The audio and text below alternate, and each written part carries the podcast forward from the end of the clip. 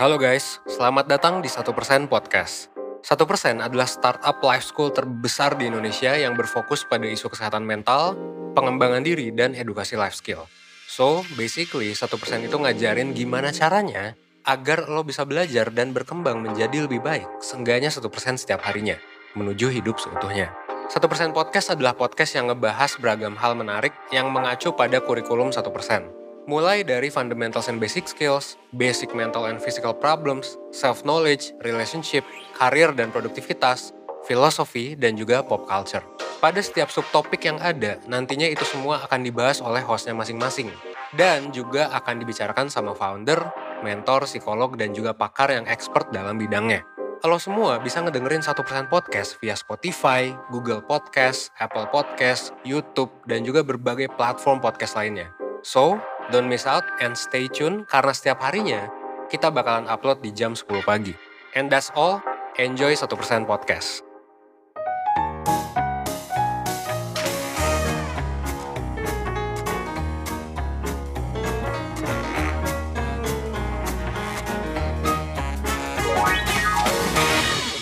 Halo semuanya, kembali lagi di satu persen podcast bersama Kiki eh, di sini sebagai host.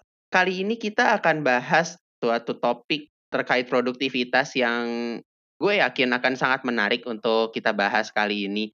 Dan mungkin para perseners juga sangat relate dengan topik ini, yaitu adalah produktif saat WFH. Nah, kali ini satu persen mengundang salah satu mentor dari satu persen yang sering membahas tentang karir dan produktivitas untuk hadir bersama gue kali ini. Kak Dean, halo. Halo Kiki, halo Persilers. Nah, jadi di sini uh, gue akan ngobrol bareng Kak Dean nih ngupas tuntas tentang produktivitas dan juga hubungannya antara WFH WFH ini dengan uh, permasalahan produktivitas kita sehari-hari. Ya, kalau ngelihat keadaan uh, saat ini tuh kayak uh, suatu pekerjaan kan kayak keristrik banget karena kita harus di rumah aja gitu dan ya banyaklah orang yang ngeluh-ngeluh gitu tentang produktivitasnya berkurang. Jadi uh, kayaknya akan seru banget nih kita bahas ini ya nggak Kak Den? Betul banget, karena relate ya dengan kondisi saat ini. Iya betul. Ya udah nggak uh, perlu panjang-panjang lagi kita mulai aja pembahasannya deh. Jadi uh, kalau untuk mengawali cerita nih Kak Dean, gue gue ini sebagai yang sering ngamatin uh, Twitter lah atau sosial media, Instagram gitu-gitu terkait topik-topik uh, produktivitas. Orang-orang uh, tuh kadang suka bingung gitu terkait produktivitas itu sendiri tuh apa sih gitu. Definisi dari produktivitas tuh apa?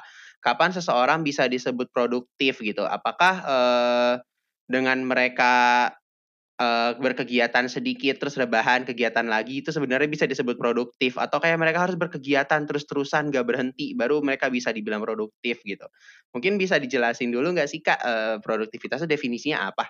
Oke, jadi produktivitas itu sendiri adalah kondisi di mana kita itu mampu bekerja secara efisien dalam kurung waktu tertentu untuk memaksimalkan output yang kita inginkan. Jadi uh, simpelnya ada yang kita kerjakan, ada waktu yang tersedia, dan ada uh, output yang kita tuju juga.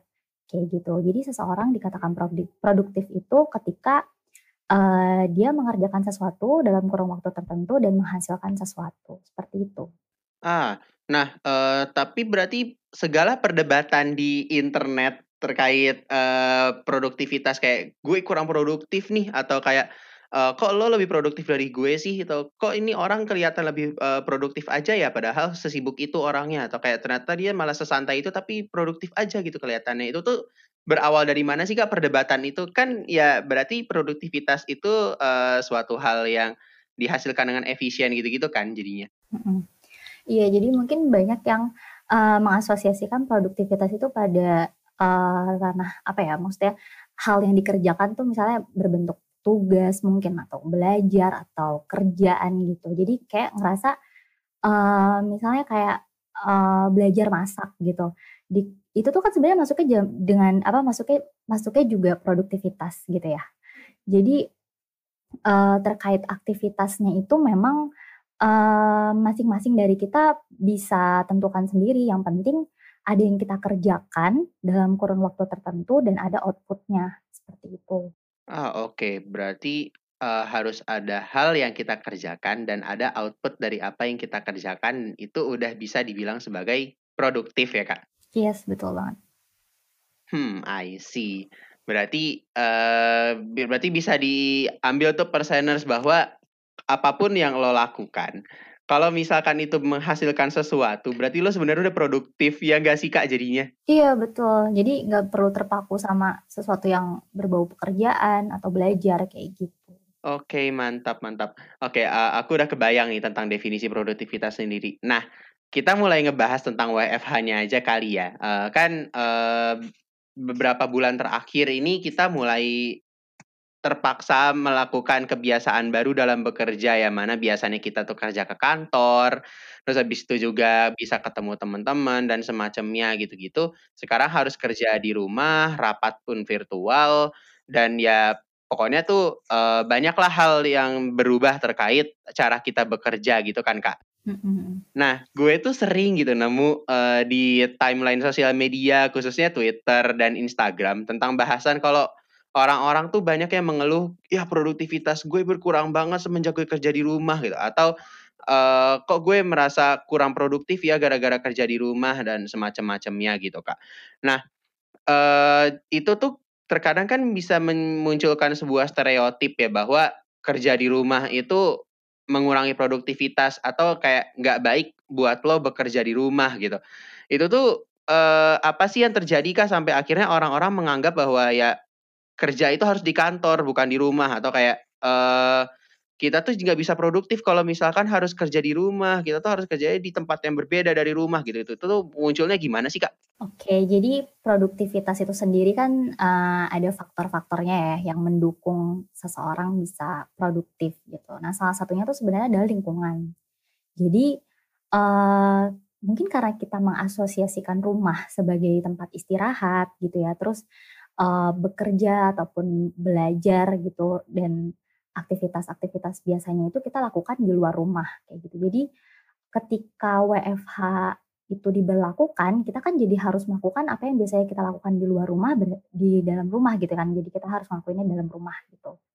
Nah, lingkungan uh, yang biasanya kita asosiasikan sebagai tempat istirahat itu yang kemudian jadi membuat kita merasa uh, perlu beradaptasi lagi nih dengan uh, ruangan atau istilahnya kayak rumah ini kita jadikan juga tempat kita bekerja atau tempat kita sekolah, kuliah, belajar itu tadi gitu. Jadi uh, di rumah juga kan kita jadi lebih bebas ya terkait misalnya kalau misalnya meeting itu kan kadang mungkin ada beberapa yang uh, nggak nggak mandi terus udah siap aja gitu kan terus ada uh, yang iya, sambil iya. ngemil, ada yang bahkan waktu itu aku sempat lihat juga kayak ada video yang dia tuh sebenarnya lagi belajar, terus dia rebahan gitu, padahal video konferensinya tuh masih nyala dan ketahuan sama gurunya gitu. Jadi uh, itu kan lebih bebas ya, memberikan ruang kita lebih bebas dan tidak uh, apa ya, tidak strict itu tuh tempat kerja gitu loh. Sementara ketika kita ke sekolah, kita ke kuliah gitu ya, ke kampus atau kita ke kantor, itu kita menyiapkan diri kita untuk bekerja, untuk sekolah, untuk belajar kayak gitu. Jadi lingkungan ini sebenarnya mempengaruhi banget ketika uh, eh, WFH kita jadi perlu adaptasi lagi dengan uh, lingkungan baru untuk bisa uh, bekerja, untuk bisa belajar seperti itu. Terus kalau di rumah kan juga kadang kita jadi uh, kerjanya atau belajarnya jadi over karena semuanya uh, dilakukan di rumah. Kita ngerasa uh, bisa lebih bebas untuk uh, apa namanya mengerjakan aktivitas kita. Padahal ketika uh, kita malah apa ya istilahnya kayak ngerjain sesuatunya itu malah um, melebihi yang biasanya kita lakukan sebelum WFH itu kan sebenarnya nggak baik juga ya malah bisa ngambil, bisa menyita waktu personal kita, menyita waktu istirahat kita seperti itu. Jadi uh, dilihat dari kondisi WFH saat ini memang lingkungan kita yaitu rumah gitu ya itu memang menjadi challenging untuk kita berusaha produktif selama uh, eh, WFH seperti itu. Oh, I see. Berarti uh, munculnya si uh, stereotip ini mungkin emang karena pengaruh lingkungan yang tiba-tiba berubah gitu nggak sih, Kak? Yang kita biasa menyiapkan diri untuk uh, kerja memiliki zona kerja sekarang kayak memakai rumah yang sebenarnya di, dianggap sebagai zona istirahat menjadi zona kerja juga gitu nggak sih? Yes, betul, betul. Hai sih dan mungkin uh, dan yang kedua tadi mungkin terkait dengan waktu nggak sih kak waktu kerja juga yang jadi terlalu banyak atau bahkan terlalu padat gitu jadi uh, kita kita merasa pekerjaan kita malah eh kita merasa bahwa output kerja kita malah jadi lebih sedikit padahal sebenarnya kerja waktu kerja kita lebih banyak gitu nggak sih kak dalam rumah ah betul betul I see. Ini tuh kakak alami juga nggak sih uh, selama per WFH-an ini kak? Boleh cerita nggak kalau emang kakak ngalamin kayak ginian juga? Uh, iya, jadi awal-awal sih sebenarnya waktu awal-awal WFH itu, uh, karena aku juga waktu itu masih banyak uh, apa aktif di beberapa volunteer juga dan itu cukup apa ya jadi uh, cukup challenging gitu. Jadi aku harus mempersiapkan istilahnya kayak satu spot gitu untuk oke okay, aku kerja di situ aja gitu. Sisanya bagian rumah sisa lainnya atau bagian kamar sisa lainnya adalah uh, tempat personal aku yang tidak berhubungan dengan kerja.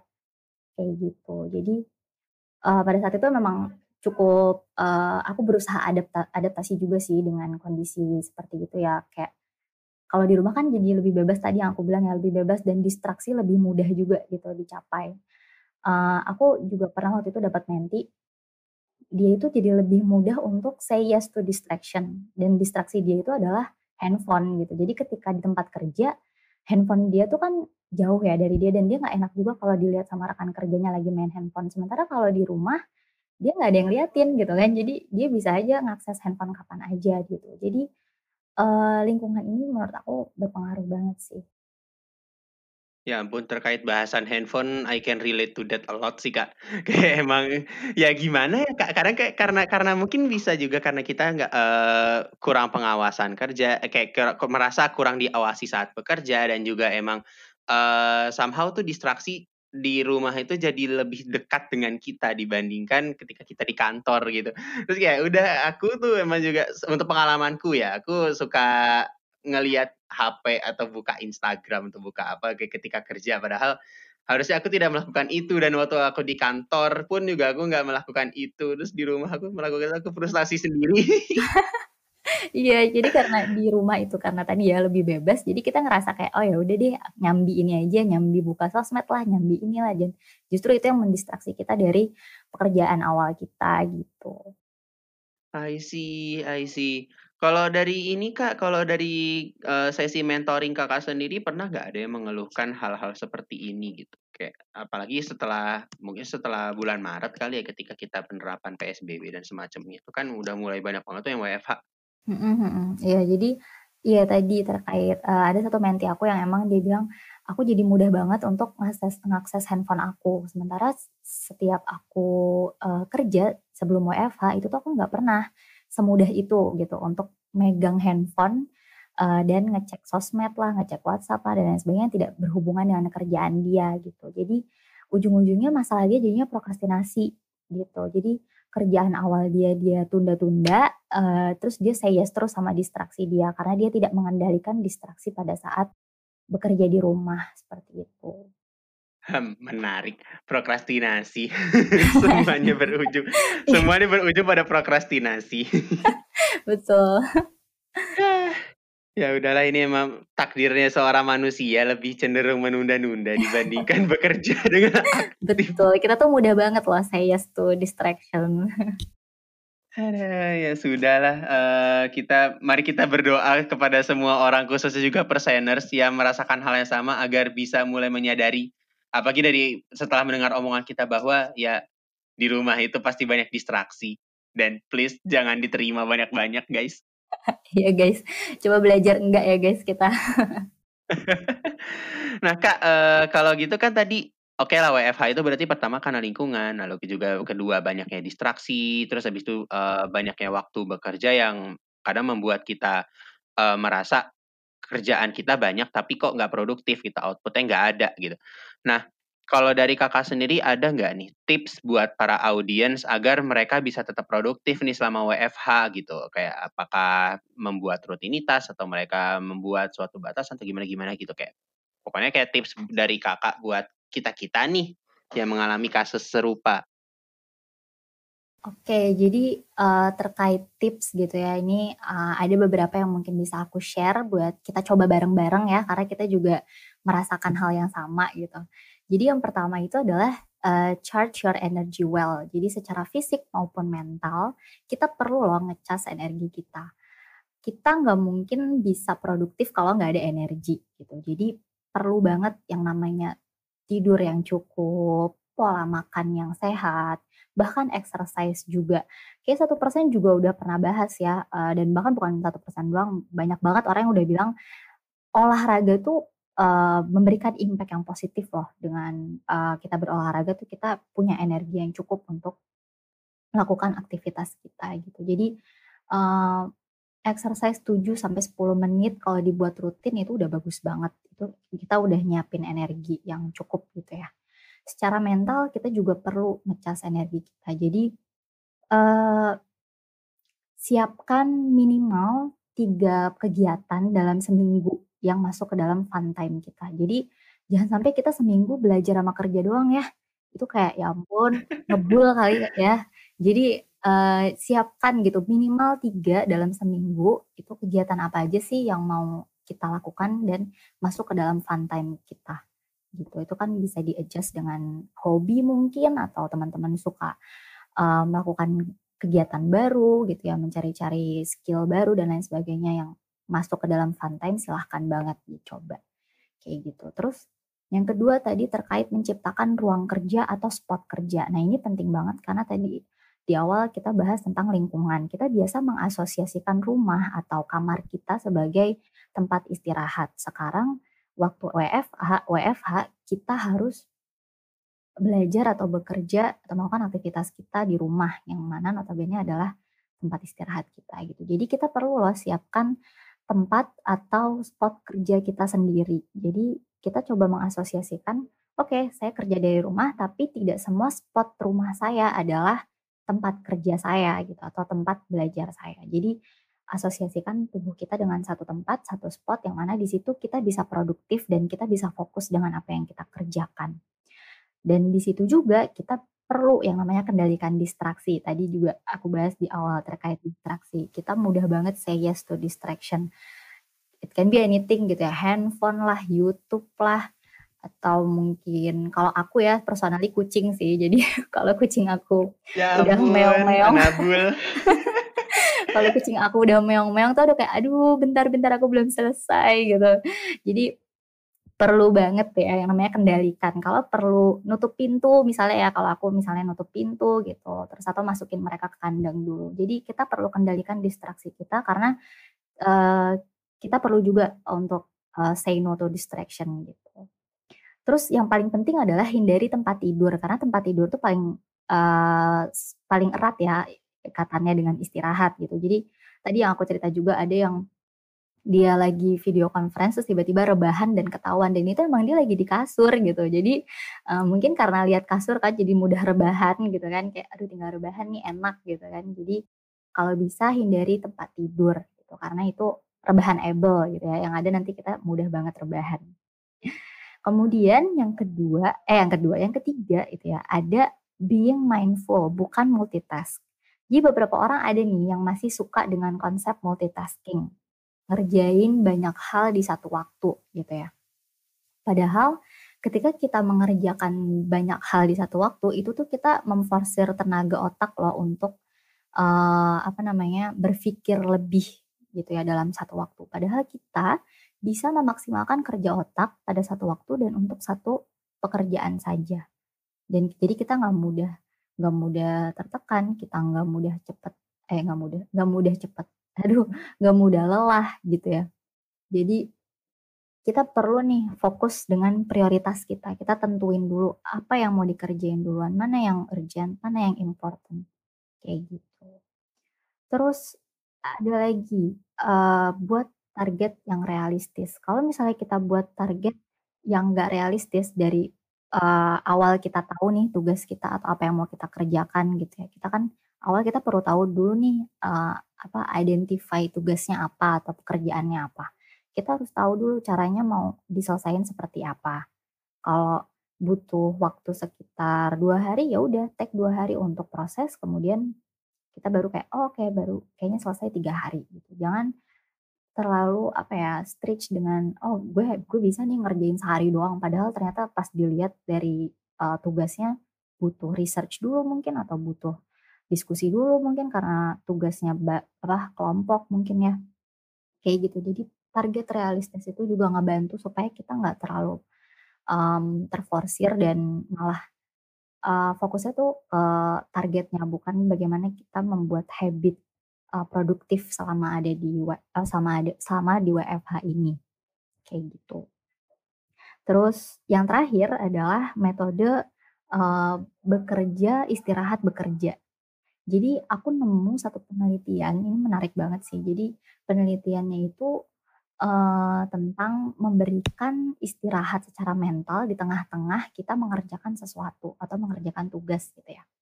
Jadi penelitian itu bilang kalau, eee, kita dikasih istirahat mental sekian menit gitu ya, kita bisa mempertahankan performa kerja kita dari awal sampai akhir, gitu. Jadi kita kan punya kapasitas konsentrasi ya sebagai manusia, kita punya kapasitas konsentrasi selama 90 sampai 120 menit kalau nggak salah. Jadi, eee, di waktu 90 menit sampai 120 menit itu, eee, adalah kapasitas konsentrasi kita yang paling maksimal. Kita coba untuk kenali fokus kita nih sejauh mana gitu. Misalnya kalau aku, eee, 90 menit tuh udah paling maksimal gitu. Di di di atas 90 menit aku udah mulai kurang fokus, aku udah mulai, eee, cari-cari pan pemandangan lain selain laptop gitu ya. Jadi di 90 menit itu silahkan take a break. 10 sampai 15 menit itu boleh banget. Eee, istirahatkan diri dengan cara misal ngambil air, dengerin musik, atau ngobrol sama orang rumah kalau di rumah ada orang lain gitu ya. Atau mungkin kalau aku kembali lagi ke kucing gitu. Jadi, eee, ambil istirahat 10 sampai 15 menit. Setelah itu, baru kembali lagi dengan, eee, pekerjaan di awal tadi. Seperti itu. Mungkin itu sih tips yang, eee, bisa aku share. Oke oke oke. Eee, kalau aku lihatnya di sini, eee, ini aku juga nyatet tips dari Kakak ya, dan ini banyak sebenarnya kayak, kan kan tadi kan Kakak ngomongnya 3, tapi sebenarnya kalau aku catat-catat, wow ini lebih loh. Tapi aku jadi sema jadi ak jadi menyadari sesuatu Kak, bahwa kayaknya nih tips kita untuk jadi produktif itu te akhirnya, eee, bergantung pada self control kita gitu nggak sih? Yes, betul banget. Soalnya aku mikir kayak misalkan kerja, istirahat, kerja, itu tuh kita, eee, istirahatnya bisa dengan, eee, memanfaatkan hal-hal yang sebelumnya kita kita bicarakan adalah sebuah distraksi gitu, kayak ya Mhm. berarti kan tadi kita harus menghindari distraksi, di sisi lain kita juga har harus mencoba menggunakan eee, distraksi itu gitu untuk istirahat. Terus habis itu misalkan, eee, hindari tempat tidur gitu. Mhm. Hindari tempat tidur kan ya, eee, itu logis banget sih bahwa orang-orang tuh pasti ada yang kayak ketika ngeliat kasur malah jadi pengen rebahan atau semacamnya gitu. Dan kalau dipikir-pikir itu tuh sangat self control nggak sih, Kak? Kayak berpusat ke self control. Iya, betul. Jadi emang, eee, kita perlu sebenarnya ini kayak ajang melatih diri sendiri sih menurut aku ya. Jadi dari WFH ini kan kita berada pada kondisi yang beda dari sebelumnya gitu dan kalau boleh dibilang mungkin zona zona nyamannya kita juga di rumah gitu. Jadi kita perlu juga nih ngatur diri kita sendiri gimana kalau mau produktif ya gimana caranya supaya produktif kita kendalikan, eee, apa, kita kendalikan hal-hal yang memang bisa kita kendalikan tadi terkait distraksi, kemudian kita buat spot kerja supaya kita mendukung diri kita juga untuk produktif gitu. Hmm, I see I see. Eee, tapi kalau berkaitan dengan self control nih, Kak, kan ya, eee, okelah gitu kita mendapat apa, eee, kita memiliki, eee, berbagai macam tips gitu untuk para perseners, eee, dan bisa aja, eee, nanti perseners eee, perseners akan melakukan tips-tips kita ini gitu. Tapi semisal ternyata, eee, para perseners atau misalkan aku sendiri gitu, eee, punya self control yang rendah gitu terhadap diriku sendiri. Ada nggak sih Kak tips-tips mungkin yang atau kayak pengalaman Kakak gimana caranya bisa, eee, melatih self control tersebut gitu? Kayak apa aja yang Kakak lakukan sehingga uh, sekarang Kakak udah lebih betah nih WFH dan melakukan uh, rutinitas-rutinitas yang tadi Kakak bicarakan gitu. Itu kan berarti kayak peningkatan self control kan? Mm -mm. Oke. Okay. Uh, jadi yang pertama adalah menerima keadaan ya.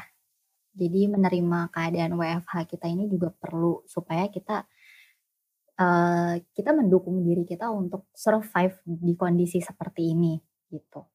Terus yang kedua uh, kita lebih uh, oh ya, hmm, selain beradaptasi kita juga uh, lihat konsekuensi gitu ya. Kalau aku pribadi lihat konsekuensi. Oke, kalau misalnya aku nggak ngatur distraksi, kira-kira apa yang bakal terjadi? Bagaimana perilaku tersebut mempengaruhi uh, apa namanya? Mempengaruhi pekerjaan aku atau mempengaruhi outputnya nanti. Gitu. Kalau misalnya nanti jadi prokrastinasi misalnya endingnya, itu apa uh, dampak negatif yang mungkin muncul? jadi dikejar deadline mungkin, jadi kerjanya mesti lembur mungkin dan lain sebagainya dan aku pribadi tidak ingin merasakan uh, hal tersebut gitu. Jadi kita coba untuk terima kondisi saat ini, kemudian uh, kita lihat dampak negatifnya ketika kita tidak berusaha untuk mengendalikan diri selama WFH. Hmm, oke oke. Berarti uh, untuk kita bisa meningkatkan self control kalau aku simpulin uh, pertama kayak kita ya apa seperti yang kakak bilang terima kenyataan atau terima uh, keadaan saat ini tuh jadinya kayak ya udah ini adalah WFH mau nggak mau aku harus begini aku harus begitu instead of denial ya udahlah aku terima keadaan ini dan aku mencoba ngontrol diriku untuk bertahan di kondisi ini gitu nggak sih kak? Iya betul kan kita perlu adapt terus ya dengan kondisi dengan lingkungan yang terus berubah. Dan kalau tentang lihat konsekuensi self control itu jadinya lebih ke kayak menjadikan dampak negatif sebu sebagai sebuah motivasi. Iya nggak sih Kak? Kalau aku asumsikan jadi kayak gitu. Mm -mm. Untuk menghindari uh, dampak negatifnya gitu ya daripada gue nanti lembur atau daripada nanti gue harus ini itu yang di mana itu tuh nggak uh, apa ya nggak memberikan dampak positif gitu ya mending ya udah controlling self aja gitu. Hmm, I see. Jadi sebenarnya tadi tuh aku ini sih Kak, aku uh, punya uh, saya kayak aku sebenarnya punya pertanyaan yang mana tuh uh, tentang si rutinitas ini gitu. Uh, ketika rutinitas dan tips-tips yang kakak kasih itu ternyata nggak berpengaruh terhadap produktivitas ya apa yang harus diubah dan kayaknya aku nemu jawabannya itu adalah self control itu nggak sih jadinya? Iya bisa jadi uh, ada hambatan lainnya gitu yang mungkin kita perlu sadari juga gitu ya. Kok gue udah nyoba tips ini tapi nggak produktif-produktif juga misalnya kayak gitu. Kita mungkin perlu refleksi diri dulu terkait apa sih yang sebenarnya kita rasakan gitu. Kita coba lihat diri kita sendiri. Apakah memang ada masalah terkait uh, apa kontrol diri? Apakah kita memang masih denial dengan WFH mungkin masih pengennya uh, di luar aja misalnya kayak gitu atau mungkin kita sudah berada pada kondisi uh, burnout atau kelelahan gitu ya sudah sangat lelah dengan pekerjaan pekerjaan-pekerjaan sebelumnya gitu. Karena uh, memang ada hubungannya terkait produktivitas dengan uh, burnout itu sendiri. Ketika kita merasakan burnout kita jadi sulit juga untuk produktif gitu. Jadi uh, ketika kita sudah nyoba beberapa hal terus dirasa kayak kok nggak ada perubahan sih? Mungkin kita perlu refleksi diri dulu terkait apa yang sebenarnya kita rasakan. Hmm, oke. Okay.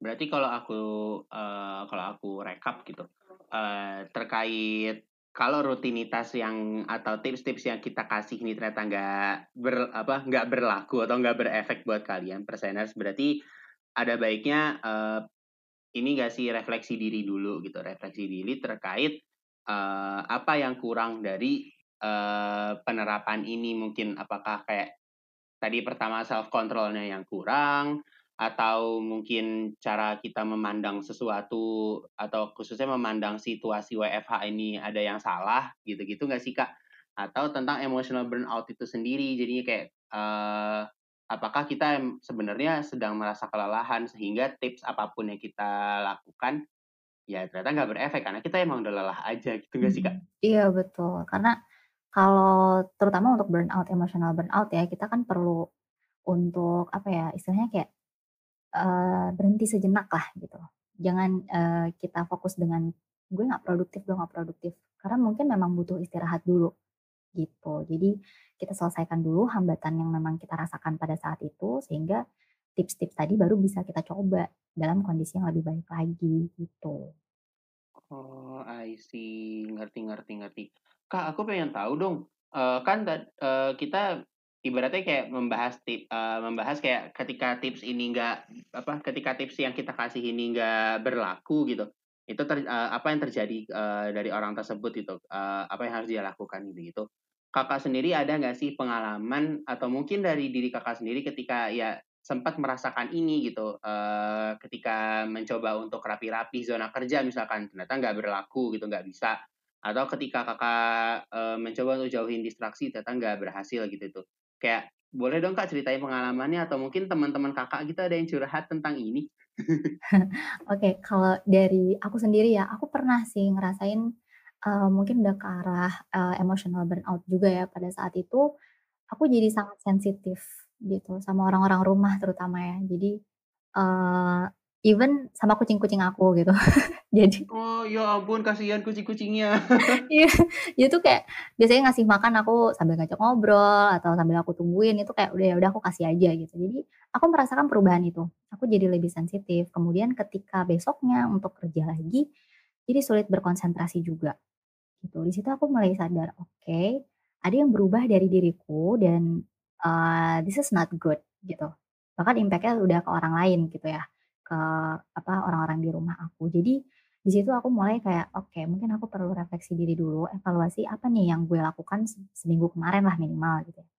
Oke ternyata memang pada saat itu ada project yang cukup besar juga, aku cukup kelelahan di situ, dan aku belum ada istirahat secara emosi gitu ya, secara mental tuh aku belum istirahat gitu. Jadi tadi yang terkait fun time itu aku belum ada tuh di situ, belum ada eee, apa ya, kayak memberikan reward aku tuh belum ada. Jadi kayak badan aku tuh ngasih tahu, "Woi kemarin tuh gue capek, mana nih reward-nya?" gitu, "Mana nih fun time-nya?" gitu kan.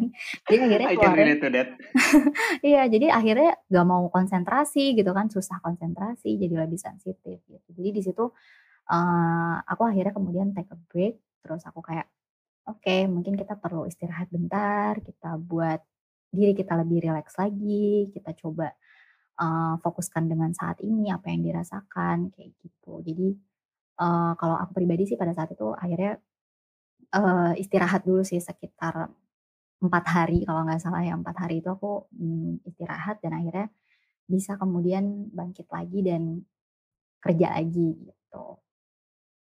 Oh, oke oke oke, I see. Kalau dari, eee, curhatan teman-teman Kakak gitu atau dari menti di mentoring gitu ada nggak Kak, kisah yang kayak gini juga? Mmm, kalau menti ada, menti. Jadi waktu itu memang, eee, dia itu aktivitas hariannya adalah belajar gitu. Dia punya target tertentu pada tenggat waktu tertentu juga, dia harus belajar, dia harus menguasai suatu materi gitu ya. Eee, terus pada saat satu titik dia ngerasa kayak ya itu tadi, eee, "Aku sulit konsentrasi Kak, terus aku sensitif banget sama semua orang, aku nggak punya desire untuk melanjutkan belajar aku," gitu. Tapi dia pengen banget nih belajar karena dia tahu target dia jalan terus kan, maksudnya kayak waktu dia jalan terus untuk mencapai target dia kan. Akhirnya ketika udah kita diskusi, kita ngobrol, ternyata memang dia terlalu memforsir diri dia. Dia nggak ngasih jeda gitu loh. Jadi Sabtu Minggu pun dia belajar, dia nggak ada waktu fun time gitu. Jadi di situ kayak aku berusaha untuk bantu dia mahamin, eee, kondisi dia ya, "Oke saat ini kamu kayaknya perlu istirahat dulu ya, kayaknya kalau dilanjutin belajar pun nggak efektif kan, karena nggak bisa konsentrasi." Karena dia bilang Aku mulai itu cuma bisa sekitar 10 sampai lima belas lima belas menit, habis itu dia kayak udah nggak mau lagi gitu. Udah udah udah udah kayak, "Udah aku nggak mau, pokoknya aku males," gitu. Tiba-tiba dia udah kayak, eee, sensitif lah dengan apa yang dia kerjakan juga. Jadi di situ akhirnya aku bantu untuk kenali emosi dia, kenali apa yang dia rasakan. Jadi di situ dia, eee, aku bantu untuk, "Yuk kita ambil istirahat bentar, nggak apa-apa kok kita istirahat bentar, ambil waktu sebentar untuk mengelola emosi, mengelola apa yang kita rasakan, apa yang kita pikirkan, sehingga, eee, kita bisa lebih siap lagi gitu secara mental untuk belajar gitu. Hmm, oke, I see. Ngerti ngerti ngerti.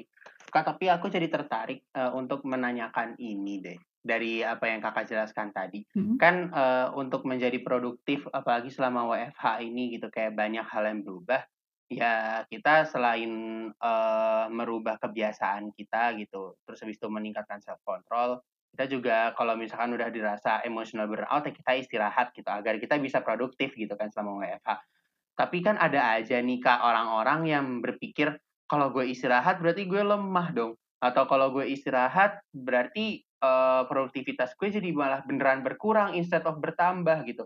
Itu tuh, eee, kalau opini Kakak gimana sih untuk orang-orang yang berpikir kayak gitu dan apakah ada cara untuk mengubah mindset tersebut? Eee, aku bakal balikin lagi ke tadi ya, di awal produktivitas itu berangkat dari, eee, apa namanya, energi gitu.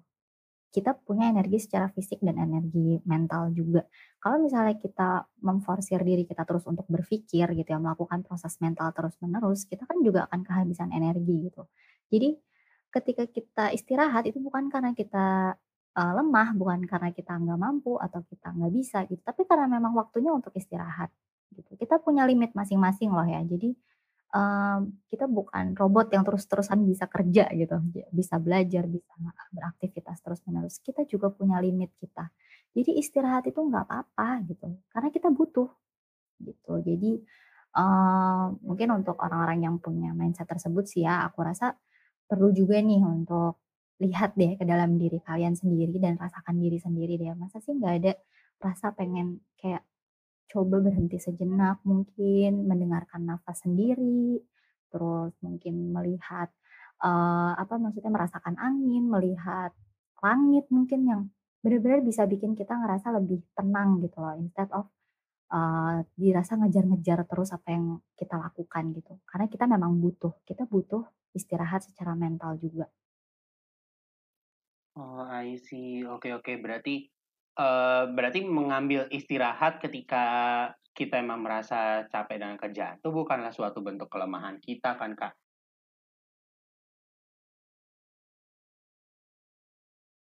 Oke deh kalau gitu berarti itu perlu dicamkan ya persener. Semoga siapa pun yang mendengar podcast ini nggak memiliki uh, mindset ya seperti yang gue katakan tadi. Tapi semisal kalian punya mindset itu bahwa istirahat itu lemah atau kayak gue nggak boleh untuk istirahat berhenti tidak berhenti untuk rebahan atau semacamnya. Ya ketika kalian butuh itu sebenarnya bukanlah suatu kelemahan gitu. Malah ya itu menjadi sebuah bentuk self care buat diri kalian sendiri gitu nggak sih agar kalian bisa siap lagi untuk produktif ketika WFH gitu nggak sih kak? Betul banget, setuju. Oke mantap deh kalau gitu. Uh, berarti uh, ini sih sebenarnya uh, pertanyaan terakhirku kak yang tadi itu terkait si mindset uh, perubahan mindset ini gitu kayak ya uh, untuk bahasan produktivitas itu kan emang ya susah-susah gampang gitu karena uh, tips-tipsnya itu sebenarnya udah template adalah A, B, C, D, tapi nanti kesadaran diri kita yang mengiyakan atau tidak mau menerima tips tersebut ya nggak sih kak? Yes betul banget. Jadi kayak jadi kayak ya kita untuk ngebahas tentang produktivitas itu pada akhirnya berbalik lagi ke willingness kita. Kita tuh mau kayak gimana gitu sih kalau kalau menurutku ya menurut gue sebagai orang yang udah pernah bekerja juga ya uh, tips tentang produktivitas itu balik lagi ke diri kita mau kayak gimana karena WFH itu ya emang mau nggak mau harus kita hadapi, terus kita udah menerima tips kayak kita bisa A, B, C selama WFH, tapi kita masih denial juga bahwa WFH ini mengganggu gue, ya nggak akan gerak juga nggak sih? Betul, betul banget. iya, ya udah makasih banyak Kak atas tipsnya. Uh, ini semo semoga membantu banget buat perseners juga karena bagiku sih ini sangat insightful gitu, apalagi dengan kakak cerita-cerita pengalaman menti yang mana uh, pengalaman itu juga aku bisa relate I can relate to that a lot gitu uh, aku jadi bisa merasa sih uh, kayaknya tips-tips uh, ini ha harus banget uh, kita lakukan uh, selama WFH ini apalagi kita nggak tahu kan WFH akan seberapa lama di Indonesia. yes betul banget. Oke deh kalau gitu kak kalau misalkan nih uh, uh, dengan apa kayak kita merasa perubahan mindset itu susah untuk dilakukan atau ternyata kita tuh butuh bantuan gitu untuk uh, untuk mengubah mindset tersebut gitu. Uh, kalau kakak uh, kira-kira tuh bisa nggak uh, rekomend banget gak sih ke mentor satu persen? Karena kalau aku rasa sih pasti kita akan butuh banget bantuan nih kalau misalkan uh, dari diri sendiri suka ada denialnya gitu-gitu. Kalau dari kakak sendiri gimana? Mau rekomendnya? Yes, betul. Jadi kalau misalnya dirasa kalian uh, ngerasa ada perubahan tadi ya terkait apa yang dirasakan, kemudian uh, sulit konsentrasi mungkin atau sulit memulai pekerjaan dan butuh uh, teman diskusi, butuh solusi untuk uh, caranya ya gimana supaya bisa memulai pekerjaan dan bisa memulai produktif lagi, mungkin teman-teman bisa diskusi bareng mentor-mentor satu persen gitu. Oke deh kalau gitu kak. Uh, sekalian aku sih aku mau cerita juga terkait uh, produktivitas itu emang uh, bantuan dari mentor atau psikolog gitu. Itu sangat membantu sih karena sebagai profesional ya kadang uh, jiwa denialku itu ketika di, diomongin sama profesional lo baik mentor maupun psikolog uh, ketika disindir kayak ya kamu butuhnya istirahat ya? Hmm aku kayak tersindir karena kayak kamu kamu kamu butuh untuk ngebedain uh, zona kerja kamu atau gimana gitu kayak ketika itu profesional yang ngomong tuh kadang beda aja nggak sih kak rasanya makanya kayak konsultasi sama mentor maupun psikolog ketika kita kesulitan uh, bagi aku sendiri sih sangat recommended karena aku udah pernah mencoba itu membantu gitu sih kak. Oke, ya benar. Jadi kadang uh, kita perlu juga ya buat diskusi gitu untuk uh, apa ya istilahnya kayak mungkin ada beberapa hal yang nggak kita sadari dan kita dibantu disadari di situ gitu. Jadi menurut aku uh, bisa banget sih diskusi bareng mentor maupun psikolog terkait masalah produktivitas yang mungkin teman-teman rasakan selama WFH. Oke, mantap. Terima kasih banyak atas sesi podcastnya Kak Dian. Maaf kalau terlalu banyak memakan waktunya karena harusnya zone, uh, sesi kita tuh hanya 30 menit dan sekarang 40 menit. Gak apa-apa. okay, emang bahasan bahasan bahasan produktivitas tuh emang kadang memakan waktu karena ya saking relate-nya kita jadi enak aja ngobrol lagi tuh gak sih kak? Iya betul banget, soalnya gue banget gitu ya, ini tuh gue alami terus gitu. Astaga ya udah deh kak, makasih banget ya kak atas waktu yang diluangkan. Iya, uh, makasih juga.